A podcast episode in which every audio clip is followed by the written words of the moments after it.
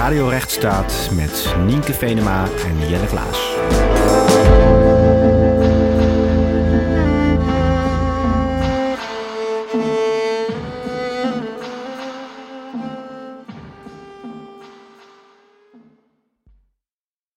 Welkom bij Radio Rechtsstaat, de podcast over waarom de rechtsstaat ook jou aangaat. In deze aflevering willen we het hebben over digitale rechten. Jelle, eh, ik denk dat ik deze podcast eh, iets meer degene ga zijn die probeert het te vertalen naar de luisteraars. Want jij bent hier de afgelopen tijd best veel mee bezig geweest. Ja, vanuit mijn werk uh, zijn we, is digitale rechten is voor ons ook heel belangrijk als mensenrechtenorganisatie. Ook al moet ik zeggen dat het technische deel vind ik ook best nog wel ingewikkeld. Maar ik denk wel dat ik steeds meer in de vingers krijg. ook waarom ik het zelf belangrijk vind dat mensen zich hierover druk maken. Ja, en ik kan me uh, met uh, Rode Konen herinneren dat ik ooit, ik denk dat ik 18 was, tegen een goede vriend zei: Maar ik heb toch niks te verbergen. Wat uh, nu ook een boekje is geworden, wat door de correspondent is uitgegeven. Maar inmiddels zijn we allemaal wat verder, hoop ik, als het om die opmerking gaat. Ben jij er veel mee bezig zelf? Persoonlijk? Ja, nou ja, ik vind het persoonlijk heel interessant. Ook wat mensen op Facebook delen, maar ook uh, ja, hoe, hoe, we ons verhouden tot de overheid. Vind ik een heel interessant onderwerp en tot grote bedrijven. Uh, dus ja, ik ben eigenlijk wel veel mee bezig. En ik kijk veel series en, en, en lees boeken waarin dit ook centraal staat. Ja. Maar nogmaals, ook hier, ik heb best nog wel wat te leren op dit vlak. Ja, we hebben allebei een voorkeur voor dystopische series als Black Mirror, waarin de meest vreselijke scenario's zich heel realistisch uitspelen. Precies. maar goed, misschien komen we daar ook nog wel op vandaag. We zijn ontzettend verheugd uh, met onze gast, Nani Jansen-Reventlo, mensenrechtenadvocaat gespecialiseerd in strategische procedures en de vrijheid van meningsuiting. Uh, en de oprichter en directeur sinds nog niet zo heel erg lang van het Digital Freedom Fund in Berlijn. En voorheen werkte Nani onder andere voor het Media Legal Defense Initiative, een organisatie die wereldwijd journalisten verdedigt en ondersteunt met rechtszaken. Nani, wat fijn dat je er bent. Ik ben heel blij om hier te zijn. Nou, laten we even beginnen met, met de basis. Wat zijn digitale rechten? Um, wij kijken naar digitale rechten als mensenrechten in de digitale en genetwerkte sfeer. Dus het hele scala aan mensenrechten, alleen in een bepaalde context. Um, dat wil dus zeggen dat um, iemand bijvoorbeeld zijn of haar rechten in de digitale sfeer uh, uitoefent, zoals het recht van vrijheid van meningsuiting online, of omdat er technologie gebruikt wordt die een impact heeft op de uitoefening van iemands rechten in het dagelijks verkeer. Om dan uh, een link te maken met verkeer, bijvoorbeeld uh, registratie van kentekengegevens. Um, ja, dat, okay. dat is het. Ja, dat is helder. Dus het is echt breder dan alleen maar alles wat op internet gebeurt. Ja, absoluut. Ja, en, kan en, het breder dan alles wat op het internet gebeurt? nou goed, en een vervolgvraag is natuurlijk op welk terrein liggen digitale rechten het meest onder druk? Ja, en, en waar maak jij je op dat vlak druk over? Um, ik zou bijna zeggen van waar niet. uh, en het is iets waar ik me eigenlijk best wel over verbaas, is dat mensen zich er niet veel meer druk over maken. Um, als je kijkt naar de uitoefeningen van uh, mensenrechten in een, in een niet-digitale sfeer. Je zou er bijvoorbeeld heel raar van staan te kijken als iemand uh, bij jou thuis uh, langskomt, de brievenbus opent en even eerst al je post leest voordat ze het aan je doorgeven. maar wanneer zoiets in de digitale sfeer gebeurt, zijn mensen gewoon veel minder alert erop. En um, ja, protest daartegen is gewoon veel minder breed gedragen en ook wordt veel minder sterk uitgedrukt. Um, en ik denk dat dat iets is waar we heel erg waakzaam moeten zijn. Met name omdat meer en meer van ons leven in de digitale context plaatsvindt. Um, op heel veel verschillende vlakken. Voor een heel groot deel vrijwillig, omdat we graag met elkaar communiceren uh, via allerlei technologische um, uh, toepassingen. Maar ook omdat heel veel dingen die we als burger doen onze registraties, weet ik wat, belastingen, et cetera. Ik noem maar een paar uh, losse dingen hier. Uh, ook allemaal digitaal verwerkt worden. Dus. Ja, dus dat zijn ook eigenlijk allemaal redenen waarom onze luisteraars zich hier druk over zouden moeten maken. Absoluut. Want ja. wordt onze digitale post gelezen? Is dat zo? Nou, het idee van, uh, van surveillance, uh, massasurveillance, uh, ja, dat is natuurlijk allemaal heel duidelijk geworden sinds onder andere de Snowden leaks. We, we, lopen allemaal dat risico. Als je ja. mailt via Gmail, dan kun je er niet op vertrouwen dat Google niet meeleest? Um, ze zeggen van niet. maar, maar, het feit dat je getailerde uh, uh, advertenties krijgt uh, op basis ja. van je correspondentie zegt waarschijnlijk al best wel veel. Ja. Ja. Zeg, en nee, je hebt het net ook eigenlijk al wel aangegeven, maar toch nog omdat onze podcast daarover gaat, hè, over de, de, de rechtsstaat. Hè. Wat heeft de rechtsstaat met digitale rechten te maken? Um, want ja, een van de dingen die je zou kunnen afvragen in rechtsstaat, gaat dat niet over een bepaald afgebakend land? Ehm, het internet is toch per definitie internationaal en de World Wide Web. Uh, ja, hoe kan de rechtsstaat daar dan iets over te zeggen hebben? Kun, je ons daar wat over uitleggen? Nou ja, het spanningsveld tussen nationale jurisdicties en een internationaal internet is, is inderdaad een uh, hot topic of debate. Het is, uh, daar zijn we nog lang niet over uitgepraat. Um, zoals over heel veel dingen zijn we er niet internationaal over eens wat de zogenaamd juiste standaarden zijn om op heel veel dingen toe te passen, inclusief eh, het recht van vrijheid van meningsuiting. Uh, je hebt extreme visies waarin mensen zeggen van oké, er moet überhaupt geen controle zijn op internet, het moet allemaal vrij zijn en open. En aan de andere kant natuurlijk het, andere eind van het spectrum, dat je totaal gecensureerd uh, internet hebt. Um, maar als je goed kijkt, dan um, is het aantal landen dat um, probeert content online te reguleren buiten hun eigen zogenaamde grenzen, um, is eigenlijk best wel klein. Um, en dan kijk ik naar uh, vonnissen van rechtbanken die, uh, die iets zeggen over wat er wel en niet online mag bestaan.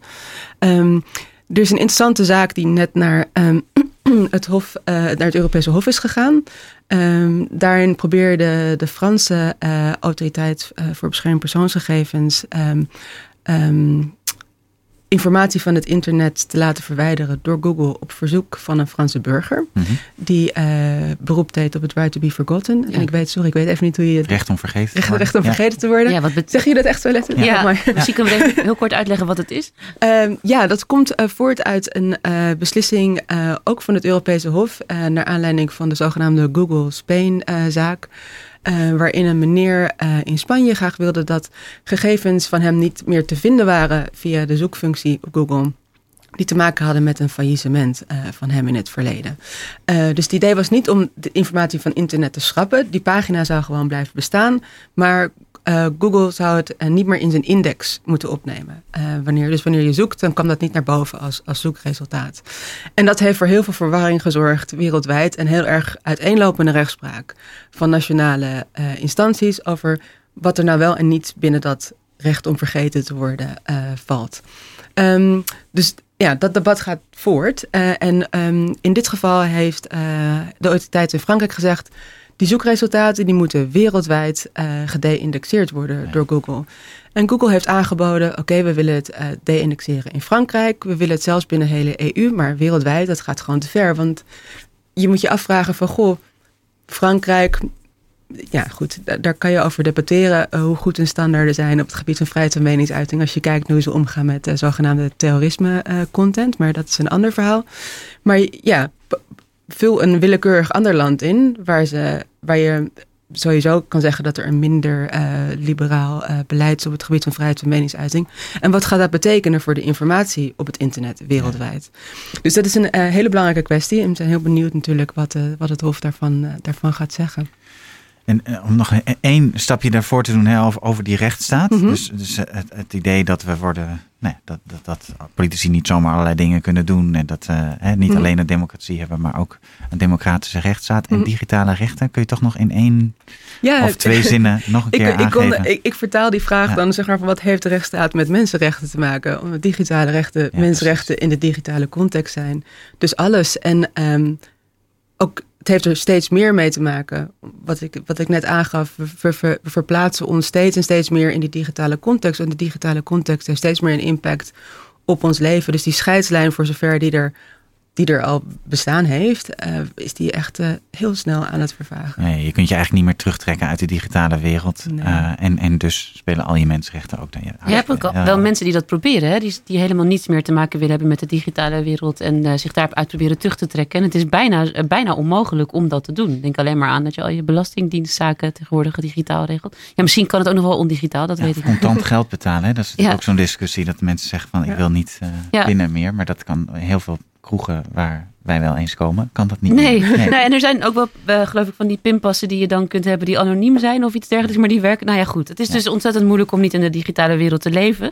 Um, in dat kader, ik zei het in de intro, ook al een beetje uh, hebben zowel Jelle als ik, en misschien jij ook wel, Dani, een grote voorkeur voor wat dystopische series. en of je Black Mirror wel eens hebt gekeken. Ja. Ja, nou ja, goed. Het laatste, uh, laatste seizoen had een aflevering waarin je in iemands geheugen zou kunnen terugkijken wat diegene wel of niet heeft gezien, wat uiteindelijk tot een weet ik veel, zesvoudige moord of iets dergelijks leiden. Uh, ik uh, smul ervan en griezel ervan. Um, maar goed, uh, in die series komt het regelmatig voor. Heb jij misschien een bizar of waar gebeurd verhaal wat je in deze context met ons zou ja, willen delen? Het verhaal wat je net vertelde doet me denken aan, aan de zaken van een meneer die... Um, wiens alibi voor de moord van zijn vrouw uh, werd ondermijnd door uh, de gegevens op haar Fitbit. Omdat bleek dat hij helemaal niet uh, op, de, op, de, op, dezelfde, op de bepaalde plek had kunnen zijn waar hij beweerde dat hij was ten tijde van haar moord en, en, en dat soort dingen. Wat is een Fitbit? Een Fitbit is een apparaatje wat je op je pols, om je pols draagt waar je je hartslag mee kan meten, hoeveel stappen je hebt gedaan, hoeveel je geslapen hebt. Ik heb er net een besteld. geslapen hebt, al ja. dat dingen. Ik vind ze ontzettend eng. Maar ja, dat zijn zo.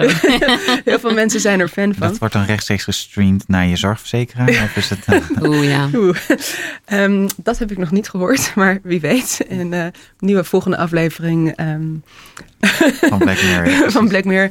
Um, paar hele bizarre verhalen die ik laatst heb gelezen. Eén is een, uh, dat las ik uh, eerder deze maand, een app die blockchain technologie gebruikt om um, expliciete toestemming te geven voor seksueel contact.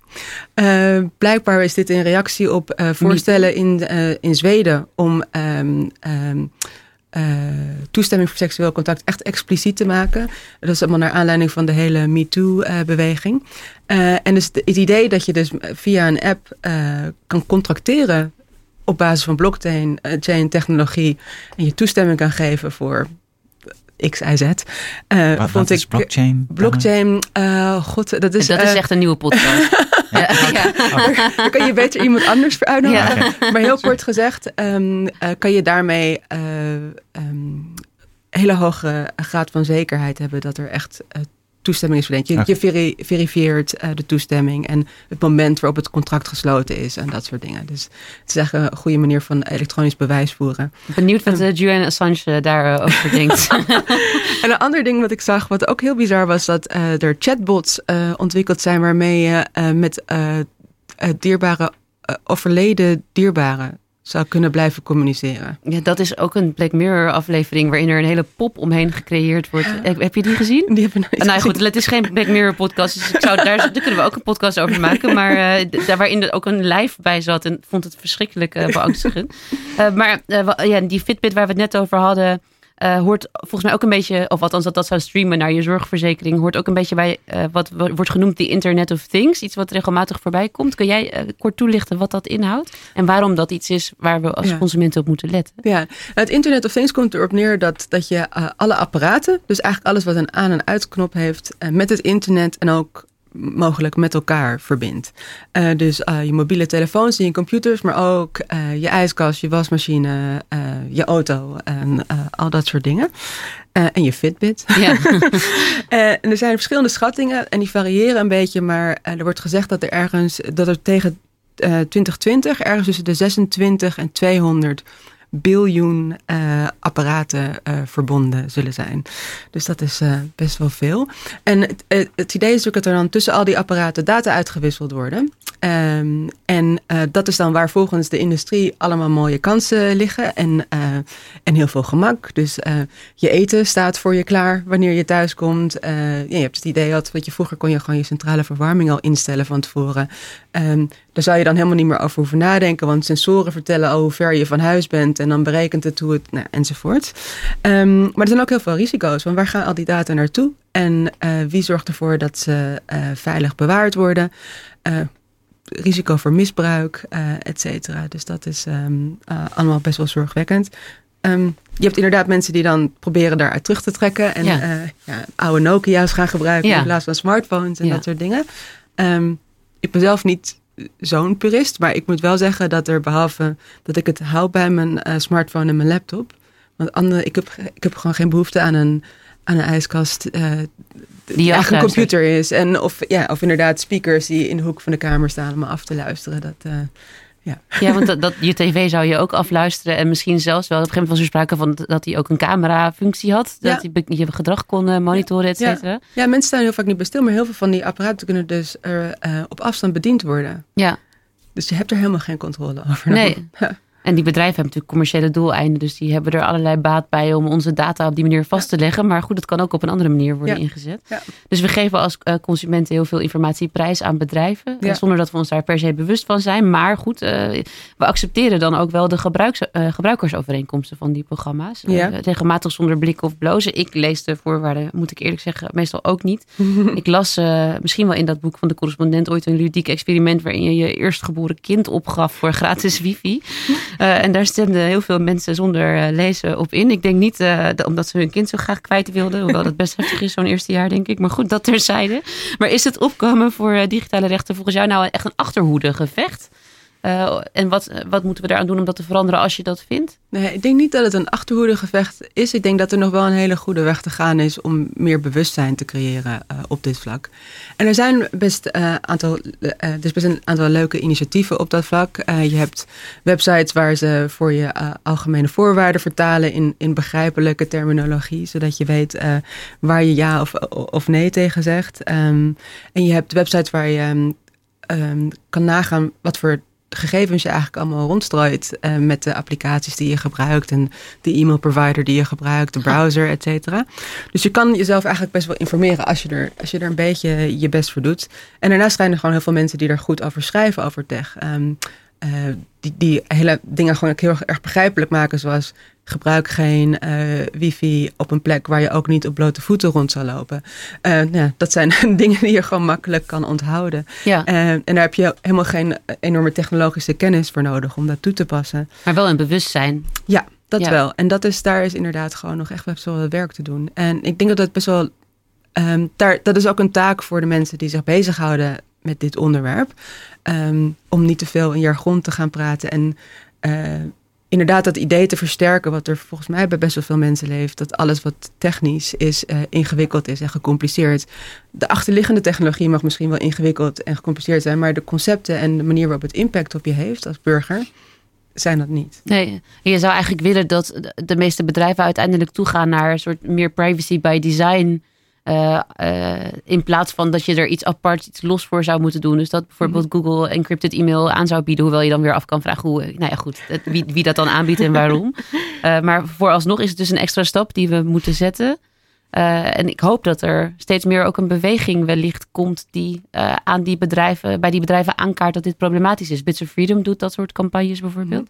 Ja. Eh, zie, jij daar, zie jij daar ook meer op gebeuren? Nee, dat, dat, dat debat dat, dat wordt steeds sterker. Hè? De, en je ziet ook dat dingen als, als WhatsApp tegenwoordig gebruik maken van encryptie. En ik denk dat dat best een positief signaal is. Dat er toch bewustzijn, eh, ehm, groter bewustzijn over is. Ik denk zelf dat zeg maar, op de lange duur ehm, privacy eh, een, een, een, een, een, USP eh, kan worden. Eh, naarmate het steeds meer eh wijdverbreid wordt dat er heel veel gegevens worden doorgegeven en dat je onderdeel, maar wordt het misschien juist eh, een, het kopen van een luxe product als je een auto koopt eh, waarvan je locatie niet wordt doorgegeven aan de wegenbelasting. dat soort dingen. natuurlijk, maar goed. En een USP, Unique Selling Point, voor degene die dat niet meekregen. Wellicht wordt het iets waar je meer voor gaat betalen straks. Maar wat, wat ik nog wel benieuwd naar ben, als ik op akkoord klik op het moment dat ik mijn eerstgeboren kind bij wijze van spreken opgeef, of, nou, of iets anders doe, ehm, is er dan eigenlijk sprake van een schending van mijn rechten door het bedrijf eh, bij wie ik op akkoord heb geklikt? Of misschien iets omslachtig, maar als je die gebruikersvoorwaarden, als je daarmee akkoord gaat, is het dan nog wel, zijn die bedrijven dan schuldig aan het schenden van jouw rechten? Of ben je het zelf? Dat is een hele goede vraag. Eh, het, komt er terug allemaal op, het, eh, op de vraag of je echt toestemming hebt gegeven. En dat, daar kan je best over discussiëren. Ehm, en ook of je dan, en daar is met name de vraag belangrijk. En dan kijk je ook bijvoorbeeld wat er gebeurt met bescherming van persoonsgegevens. Ehm, daar is het idee van dat je alleen persoonsgegevens mag verwerken als er echte toestemming is gegeven. Uh, dat wil zeggen dat je dus ook de mogelijkheid hebt om de toestemming te weerhouden. En wanneer je het hebt over algemene voorwaarden met apps en dat soort dingen, wordt het heel lastig om, om te gaan kijken waar die scheidslijn ligt. Zeg maar. Op welk moment kan je zeggen van oké, ik ga hier niet mee akkoord. Je kan natuurlijk zeggen, oké prima, dan, ga je, dan update je je app niet. Um, maar goed, je hebt hem ooit gekocht. Uh, wellicht, je wil hem kunnen blijven gebruiken. Als je hem niet update, houdt het op een gegeven moment op. Doet hij het niet Of, meer? het, of, het wordt, of je apparaat wordt kwetsbaar voor hacks, eh, al dat soort dingen. Dus dat is, dat is best, eh, ja, dat Ja, is best of, een of je hebt hem gewoon best wel nodig in de Ja. digitale nieuwe samenleving. Hè? Als je als Ja. student geen Google Maps gebruikt of eh, niet Microsoft gebruikt, wat vaak wordt aangeboden op Ja. de standaard computers. Ja, hoeveel keuze heb je dan om, om op nee te klikken? Hè? Dat is denk ik ook wel interessant. Hè? Je zou dan wel kunnen zeggen, ja, maar er zijn allemaal specifieke programma's die je nog kunt downloaden. Maar ja, dan zijn- moet je al best wel veel. Kennis hebben. Ja, Ja. dat is, voor de gemiddelde gebruiker is dat misschien toch wel. Ja, Ja. Dat is natuurlijk. eh, nou, Ja. Komen we zo nog even op, op, op terug, eh, denk ik. Eh, Een ander ding wat hiermee te maken heeft, ik, met, met mijn werk met het PILP en het Nederlands Juristencomité voor de Mensenrechten. Zijn we procedures aan het voorbereiden tegen de overheid voor Mhm. onze, nou, vooral ook voor onze digitale rechten? Zijn we die zaak rond het, het sleepnet aan, het, aan het voorbereiden en de zaak over eh, ehm, eh, profilering door de overheid, het Siri-systeem. Ehm, hè, dat, dat, dat, daar komt ook een referendum natuurlijk over, over dat eh, sleepnet. En, en onze problemen daarmee zijn vooral dat de overheid ja, alle burgers eigenlijk als potentiële verdachten kan zien. En Want dat sleepnet moet wel even worden uitgelegd, denk ik. Ja, Want dus- ik zie nu een heel groot visnet voor me. Ik weet heus wat het is. Maar, ja, eh, de- dus, dus zowel met, met, met het sleepnet als met, met dat profileringssysteem gaat het erover dat de overheid hele grote big data, eh, dus alle e-mails van een bepaalde stad naar bijvoorbeeld Irak, eh, bij elkaar kan harken. En dan later een keer kan denken, nou laten we eens daar doorheen gaan spitten of, of daar iets verkeerds in zit. En ook die, die, die, eh, die data kan dan ook aan andere geheime diensten worden gegeven. Nou, wij vinden daar, we hebben er heel veel problemen mee. We denken dat het niet effectief is, maar we denken ook dat het een chilling effect heeft. Hè? Als je weet dat de overheid het mee kan kijken met je gegevens, ja, ga je dan nog wel eh, als, als uh, homorechtenorganisatie uh, met Oeganda communiceren per e-mail. Met, uh, nou, er zijn een heleboel van dat soort problemen. Dus daar houden wij ons heel erg mee bezig. En je ziet ook dat 400.000 mensen hebben daarvoor getekend met het referendum. Dus dat zie ik wel allemaal positieve punten. Maar er wordt ons ook wel eens gezegd van... Hé, hey, ja, uh, jullie pakken wel de overheid aan die gebruik wil maken van al die big data. En die daar toch te makkelijk gebruik van maakt. Terwijl burgers dus wel bereid zijn, waar we het net over hadden. Om al die gegevens en al hun privacy zomaar af te staan aan die grote commerciële ondernemingen. Hè, de Facebooks en de, en de Googles. Ja, uh, en mensen zouden kunnen zeggen, ja, is dat dan niet een beetje hypocriet? Ja, wat, wat vind jij daarvan? Um, ja, het zijn beide belangrijke kwesties. Um, ik vind wel uh, dat de overheid, heeft natuurlijk een, een machtsmonopolie. Dat zelfs door de grootste techbedrijven op dit moment nog niet uh, geëvenaard uh, wordt. Het is natuurlijk de grote vraag, zeg maar, de, hoe lang die stelling ja. houdbaar blijft. Maar op dit moment nog wel. Um, en daarbij zet het ook gewoon wel heel erg de toon. Hè? Hoe, hoe een overheid uh, zich gedraagt uh, ten opzichte uh, van, van haar burgers. En dat is ook een van de redenen um, waarom we ook denken dat het werk dat we met Digital Freedom Fund binnen Europa doen, effect kan hebben buiten de grenzen van Europa. Omdat het idee is dat we hier hoge standaarden hebben wat rechtsstaat betreft, wat bescherming van mensenrechten. En um, op het moment dat je um, ervoor zorgt dat, dat de overheid zich ook echt aan die standaarden houdt, heeft dat een, hopelijk een, een, een ripple effect uh, ook, buiten uh, Europa.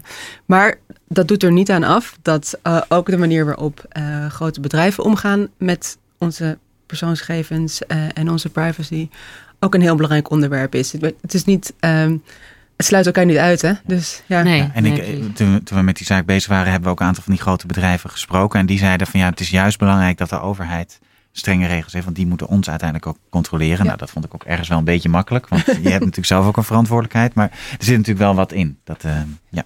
Inbreuken op digitale rechten hebben ook, uh, zijn schadelijk voor privacy hè, door overheid of bedrijven, zoals we net bespraken. Uh, voor alle mensen wiens gegevens meegepakt worden, stel ik me zo voor, in zo'n enorm sleep, uh, sleepnet. Um, maar uh, er worden ook risicoprofielen opgesteld van zowel burgers als consumenten. Um, en die zouden ook andere inbreuken op rechten met zich kunnen meebrengen. Bijvoorbeeld uh, zou dat een groot effect kunnen hebben op discriminatie en racisme en uitsluiting. Als er zo'n profiel wordt opgesteld van iemand die aan bepaalde criteria voldoet, kan ik me zomaar voorstellen uh, dat daar bepaalde mensen de hele tijd maar weer uitrollen. Kun jij daar iets meer over vertellen? Er is een groot overkoepelend probleem met, met technologie uh, en, het, en het toepassen in dit, in dit soort contexten. Er wordt vaak een um, vergissing gemaakt met denken dat technologie en artificial intelligence en algoritmen neutraal zijn. Ja. Dat is gewoon niet zo. Um, het idee dat je menselijke fouten kan uitfilteren. Het, het, in mijn uh, visie is het tegendeel waar. Uh, menselijke fouten en ook menselijke vooroordelen worden versterkt uh, heel vaak door het toepassen van quote-unquote neutrale uh, technologie.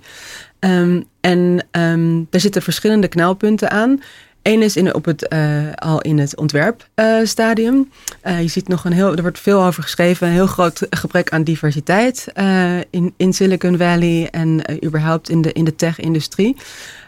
dus hoe, um, hoe neutraal uh, zijn programma's, algoritmes, et cetera, die ontworpen worden door over het algemeen uh, blanke mannen van, um, nou ja, goed, zijn misschien iets jonger dan middelbare leeftijd, maar uh, ja. bij wijze van spreken. Ja. Um, maar wel een homogene groep. Ja, ja. ja.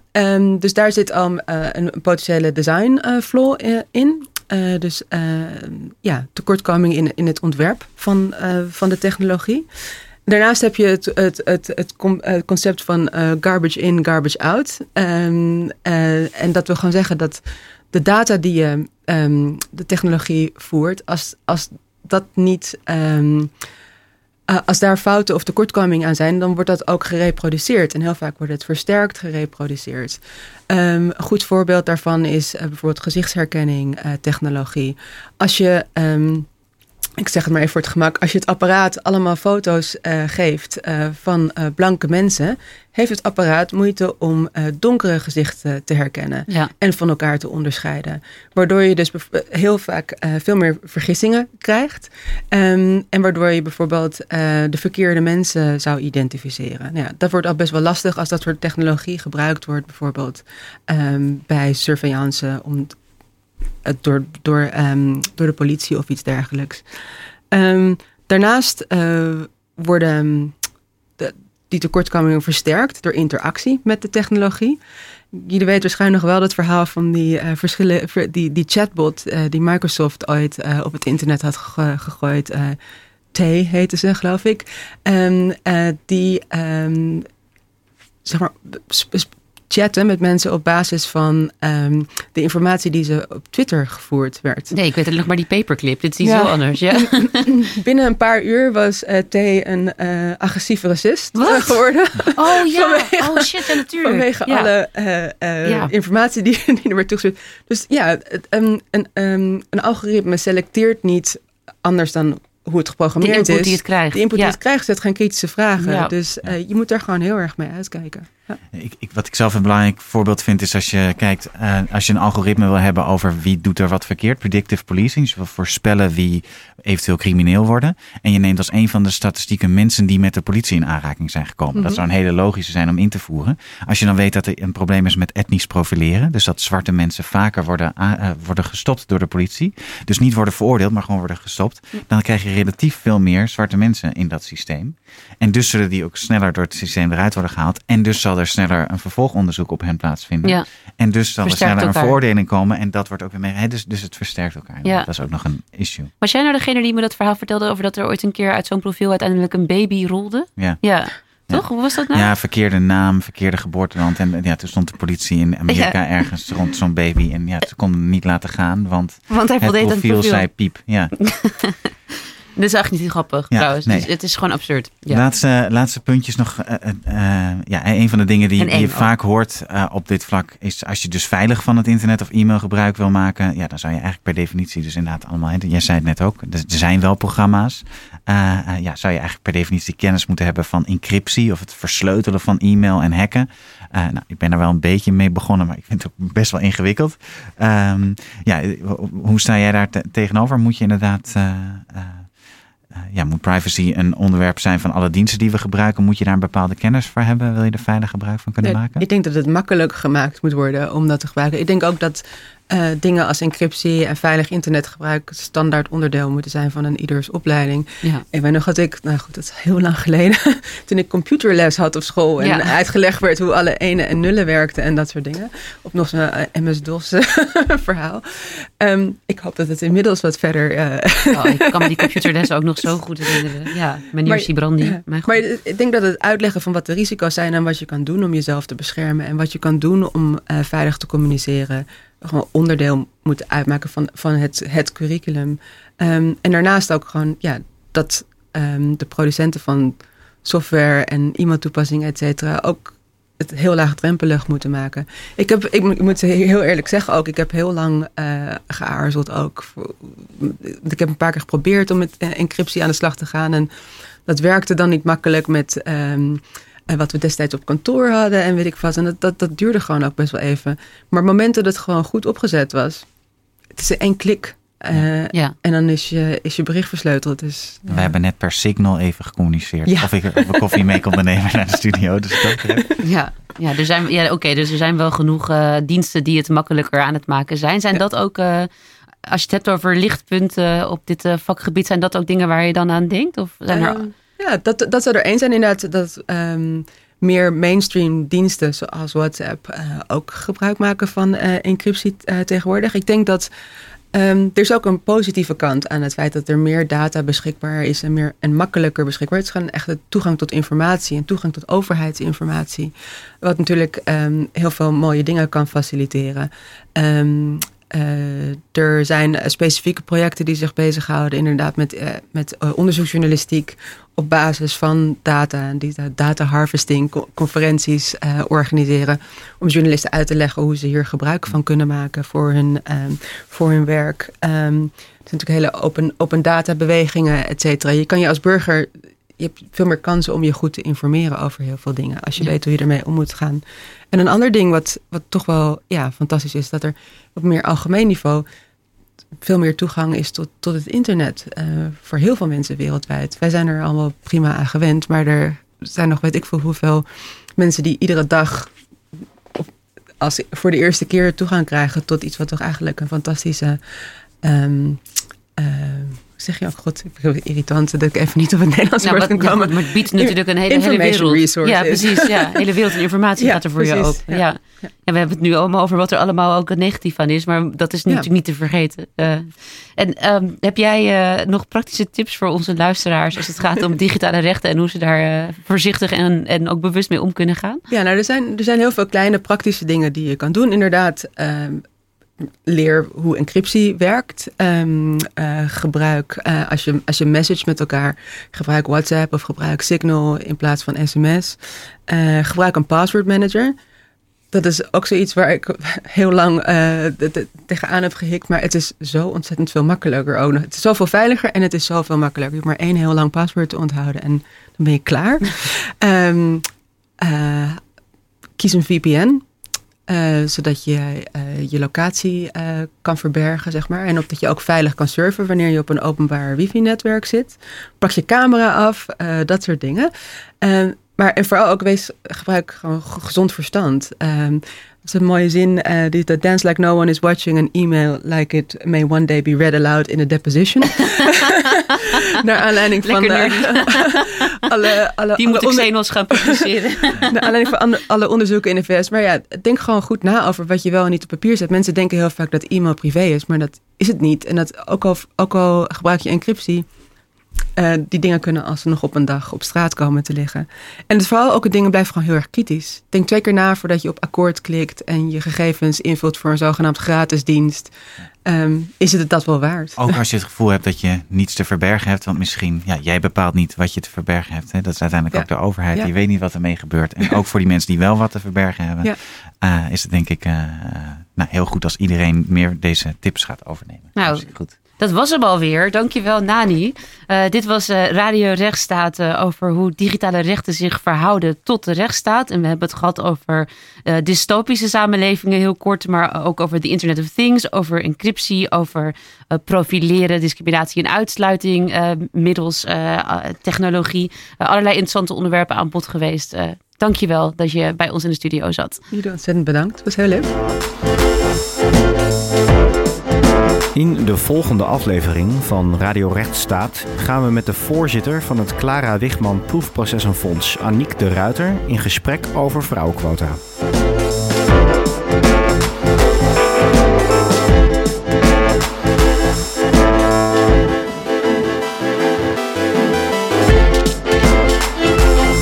Radio Rechtsstaat is gemaakt door Nienke Venema, Jelle Klaas en Andreas Willemsen en wordt opgenomen bij Salto in Amsterdam.